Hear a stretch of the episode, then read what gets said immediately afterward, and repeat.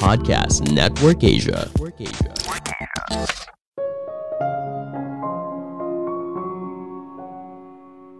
Komunikasi itu adalah keahlian yang bisa kamu pelajari. Sama halnya seperti belajar naik sepeda atau mengetik tanpa melihat papan keyboard. Jika kamu bersedia belajar, maka kamu bisa mengurangi miskomunikasi yang terjadi. Halo semuanya, nama saya Michael. Selamat datang di podcast saya, Sikutu Buku. Kali ini saya akan bahas soal miskomunikasi di tempat kerja. Ada sebuah kutipan yang menarik.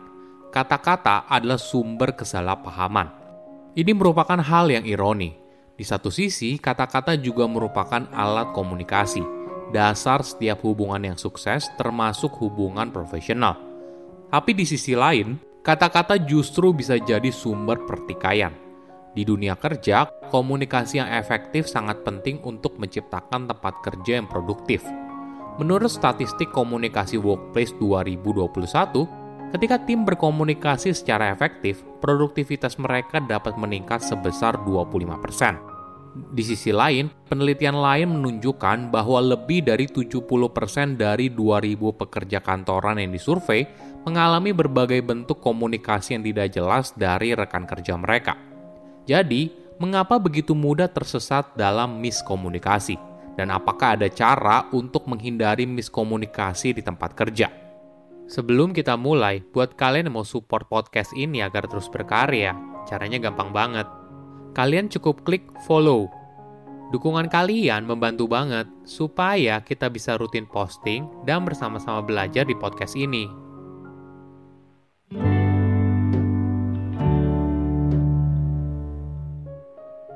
Apa sih miskomunikasi di tempat kerja? Mungkin sederhananya, hal ini terjadi ketika rekan kerja tidak berkomunikasi dengan efektif, sehingga orang lain tidak mengerti niat dan arti dari pesan yang disampaikan.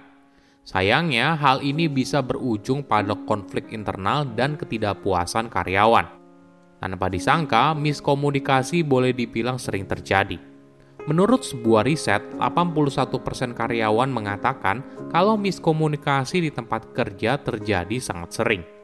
Menariknya, walaupun mereka mengaku miskomunikasi sering terjadi, tapi mereka merasa kalau miskomunikasi itu terjadi pada orang lain, bukan pada mereka.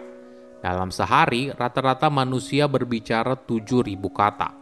Tentunya jumlah ini bervariasi tergantung jenis pekerjaanmu, posisimu, keluargamu, atau bahkan kepribadianmu. Tapi tidak peduli berapa banyak yang kamu ucapkan, kita ternyata menerima banyak sekali informasi. Faktanya, riset menemukan rata-rata orang mendengar 20 hingga 30 ribu kata per hari.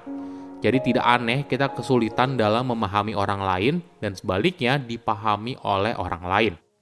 Ada beberapa contoh miskomunikasi umum yang terjadi di tempat kerja. Misalnya ada karyawan yang bilang, saya kerja sendirian tapi yang dipuji orang lain. Apa artinya?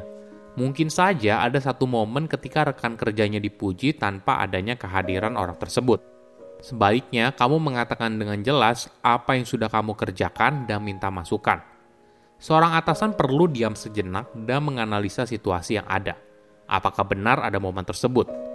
Jika iya, maka sepatutnya atasan itu menunjukkan apresiasi atas hasil kerja yang sudah dilakukan. Di kasus lain, ada yang bilang kalau karyawan itu bekerja di luar dari gajinya. Mungkin yang dimaksud adalah karyawan itu sedang merasa terlalu banyak pekerjaan dan kurang dihargai. Sebaiknya kamu justru mengatakan kalau kamu sudah berusaha bekerja sebaik mungkin dan ingin dihargai dalam hal penggajian yang pantas. Atau bisa juga kamu menjelaskan apa yang kamu kerjakan dan mungkin mendelegasikannya kepada pihak lain. Seorang atasan harus peka atas hal ini. Jika dia tidak ingin kehilangan salah satu karyawan terbaiknya, maka jangan menganggap hal ini sepele. Menurut riset, 79% alasan karyawan berhenti karena merasa kurang dihargai. Ini hal yang penting. Seorang atasan harus menunjukkan kalau dia menghargai hasil kerja karyawannya.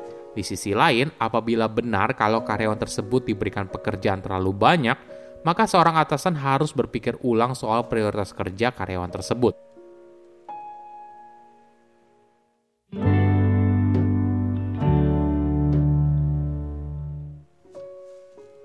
Apa sih penyebab miskomunikasi di tempat kerja?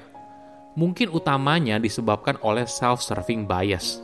Bias yang terjadi ketika seorang merasa kalau dirinya bertanggung jawab atas sukses yang dialaminya, tapi menyalahkan orang lain atas kegagalan yang terjadi. Ingat, komunikasi itu terjadi dua arah. Kesalahan tidak hanya terjadi pada orang lain, tapi juga pada kita. Pertama, perbedaan komunikasi antar generasi yang berbeda. Mungkin salah satu hal paling umum soal miskomunikasi di tempat kerja adalah perbedaan gaya komunikasi. Di era modern, wajar apabila ada beberapa generasi berbeda bekerja di satu tempat yang sama. Mereka bekerja dengan cara yang berbeda, berkomunikasi yang berbeda, bahkan mungkin terbiasa menggunakan medium komunikasi yang berbeda. Sebagai contoh, generasi milenial dan Gen Z terbiasa menggunakan emoji bahkan dalam pembicaraan profesional. Tapi di sisi lain, generasi yang lebih tua mungkin tidak. Hal ini yang kadang mungkin menyebabkan miskomunikasi dalam bekerja. Kedua, kepemimpinan yang buruk. Di dunia kerja, instruksi atau arahan tentu saja berasal dari atas ke bawah – mulai dari pemilik perusahaan turun ke CEO, lanjut ke direktur, manajer, hingga ke karyawan dengan tingkatan yang paling bawah. Namun sayangnya, realitanya banyak sekali miskomunikasi. Misalnya, tujuan perusahaan yang tidak jelas, keputusan yang berubah-ubah, dan sebagainya. Hal ini lama-kelamaan membuat karyawan jadi bingung dan tidak termotivasi. Ketiga, kurangnya pemahaman soal keberagaman budaya di tempat kerja. Ini mungkin saja terjadi bagi perusahaan yang sudah besar, entah skalanya global atau nasional. Wilayah yang berbeda tentunya punya budaya dan karakter yang berbeda. Jika kita tidak berusaha memahaminya, maka hal ini berpotensi selisih paham.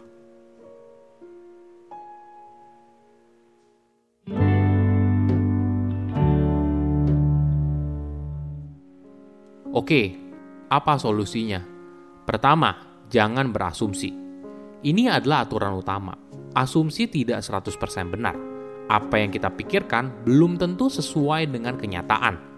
Misalnya, kita merasa orang lain memahami apa yang kita katakan, padahal sebenarnya mereka tidak. Jadi lebih baik kita memberikan informasi berlebih daripada kurang. Kedua, perhatikan bahasa tubuh nonverbal. Di era sekarang, komunikasi tidak hanya terjadi saat offline, tapi juga online. Walaupun kita bertemu seorang dalam kondisi online, jangan lupakan untuk perhatikan bahasa tubuhnya. Ini membantu kita memahami konteks sebuah pembicaraan. Ketiga, cek ulang pesan dan email untuk menghindari kesalahan. Kesalahan di sini bisa berbagai macam, bisa saja salah mengirim pesan atau kesalahan minor seperti typo. Di dunia bisnis, hal kecil ini bisa berbahaya. Ada sebuah kisah yang menarik. Pada tahun 2009, salah satu departemen pemerintah Inggris menyatakan sebuah perusahaan teknik berusia 124 tahun bernama Taylor Sons Ltd telah dilikuidasi. Hampir seketika, pesanan Taylor Sons dibatalkan dan kontrak mereka hilang. Beberapa tahun kemudian, perusahaan bangkrut. Apa yang terjadi? Jadi ada typo fatal yang diketik oleh Departemen Pemerintah Inggris dalam laporan mereka – yang bangkrut itu sebenarnya adalah Taylor and Son, bukan Taylor and Sons. Walaupun pihak pemerintah langsung mengkoreksinya beberapa hari kemudian, tapi kerusakan telah terjadi. Hingga akhirnya Taylor and Sons mengajukan gugatan ke pengadilan dan memenangkan 166 triliun rupiah. Keempat, berlatih mendengarkan secara mendalam. Ingat, kita bisa saja mendengar tapi tidak memahami. Hal ini sering kali muncul dan timbul kesalahpahaman Kelima, mengakui apabila ada miskomunikasi. Ketika terjadi miskomunikasi, ingat, hal ini tidak hanya terjadi secara sepihak, tapi kamu juga ikut bertanggung jawab. Jadi, daripada saling menyalahkan, lebih baik berusaha mencari solusi atas apa yang ingin dicapai. Saya undur diri, jangan lupa follow podcast Sikutu Buku. Bye-bye.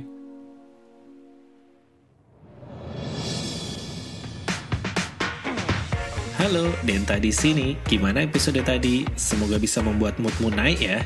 Kalau saat ini kamu lagi cari cara untuk punya gaya hidup yang lebih sehat dan gak mau sakit karena sakit itu mahal, yuk dengerin podcast Dosis Katalis bareng saya Kurniawan Satria Denta. Saya akan share tips dan informasi tentang kesehatan dan gaya hidup sehat secara gratis. Cukup dengerin podcast aku, Dosis Katalis.